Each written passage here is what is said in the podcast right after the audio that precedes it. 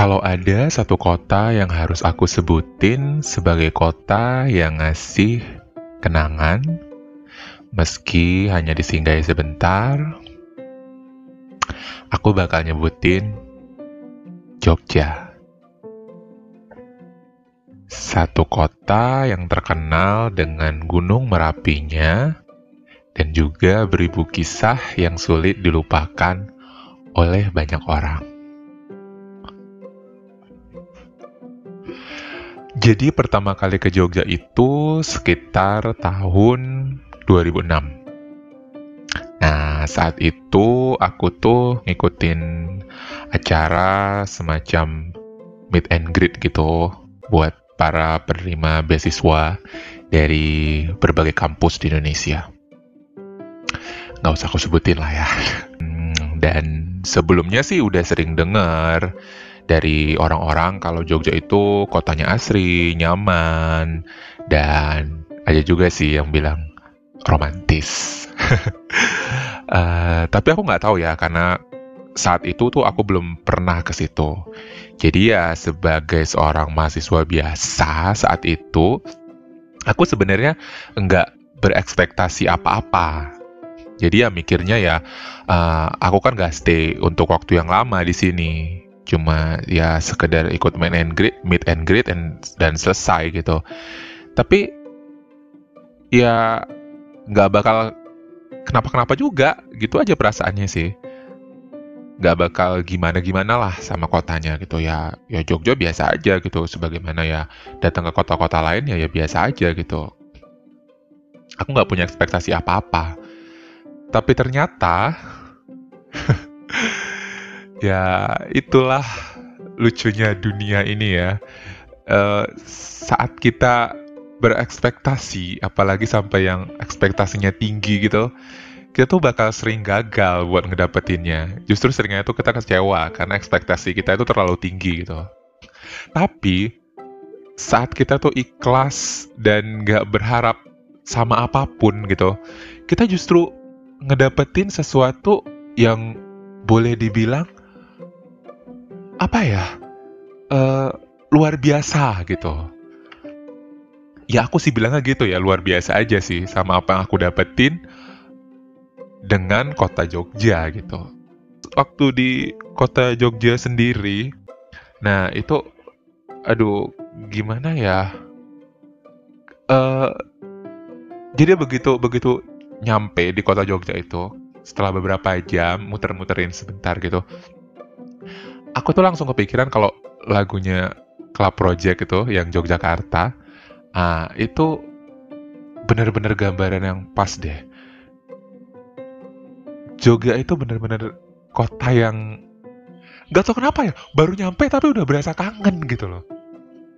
Langsung pengen, aduh aku pengen tinggal di sini gitu, gak, gak, per, gak pengen ke mana-mana gitu. Uh, suasana itu kayak yang gimana ya, yang yang ter, tertib, terus uh, bener sih kata-kata orang sih asri, nyaman gitu, ya. T uh, dan apa ya, yang aku rasain tuh kayak ada kayak syahdu gitu loh. Gimana ya? Aduh, syahdu itu kayak yang uh, bener-bener nenangin ke hati gitu loh. Ah, iya, gitu deh perasaan aku waktu uh, di Jogja itu ya kayak gitu gitu. Da, tapi aku sih punya satu pengalaman yang gak tahu ya, pokoknya memorable banget lah saat itu.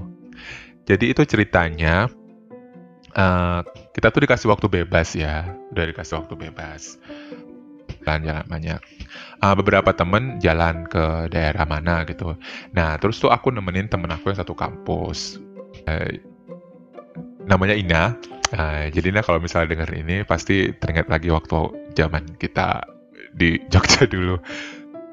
Nah, uh, pengen nyari apa ya dulu ya? Gak tau deh pengen nyari apa gitu. Dan kemudian teman-teman dari kampus lain juga ternyata pengen juga balik ke Malioboro lagi gitu ya udahlah kita keluar kan. Terus uh, apa ya kita naik apa ya kemarin? Oh uh, kita nyewa angkot. Iya bener nyewa angkot. Terus pengen ke Malioboro. Jam sih belum jam-jam belum jam macet lah kayaknya. Belum jam pulang kantor juga itu.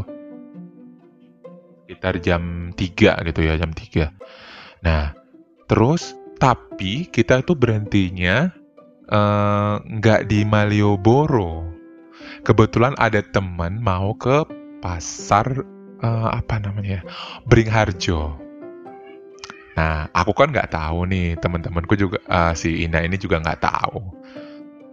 Nah, aku ini nggak tahu ya. Uh, terus ya udah, aku bilang aja sama si Ina, udah nah kita turun di sini aja. Ya sekalian lihat-lihat lah pasar Beringharjo itu kayak apa gitu. Turunlah kami di situ kan. Uh, ya udah kita ngeliat-ngeliat kan oh ini pasarnya begini ini gini oh ya, gini lucu oh ada jualan ini gitu. Ih kuenya murah-murah enak gitu. Ya terus kita nyusurin jalan pasar Beringharjo itu dan terus-terusnya uh, akhirnya ke Malioboro juga. Masalahnya kita nggak inget jalan lagi dari mana tapi bisa sampai di Malioboro gitu ya udah kita uh, belanja lah di Malioboro itu kan. Belanja lagi tepatnya. Beli ini beli itu beli ini beli itu. Sampai lupa waktu. Uh, kita ditelepon sama sama uh, koordinator kita yang bilang uh, kalian di mana?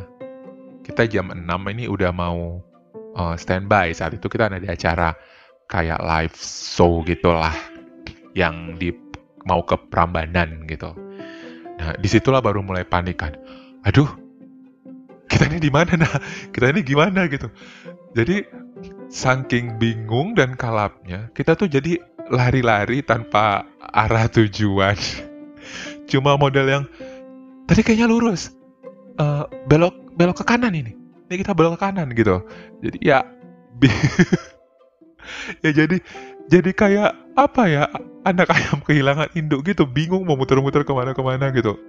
Sampai akhirnya dan karena saking paniknya itu harusnya kan kita bisa telepon ya sama temen yang udah nungguin kita di uh, tempat angkotnya mangkal gitu. Tapi kita nggak kepikiran. Saking paniknya itu kita nggak kepikiran. Ya itu kita lari-lari nggak jelas keliling-keliling sampai berpeluh-peluh ya berpeluh-peluh keringat. Ada kali uh, setengah jaman apa 45 menit gitulah pokoknya jelas iya kita bisa ketemu sama tempat angkotnya mangkal. Uh, jamnya udah mulai rame yang jelas ketika kita nyampe di hotel itu teman-teman udah pada uh, mostly ya udah kebanyakan itu udah udah pada di bus udah pada dandan dandan rapi lah. Sementara kita baru nyampe.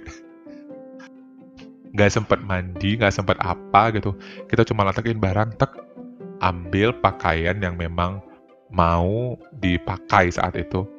Sementara aku tuh cuma bawa pakaiannya tek lari ke bus. Jadi aku pakaiannya di bus.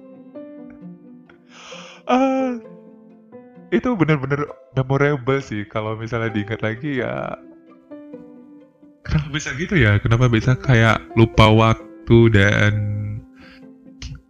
mungkin karena Jogja itu gitu ya bikin kita kayak lupa segalanya gitu. Saking tenangnya itu loh.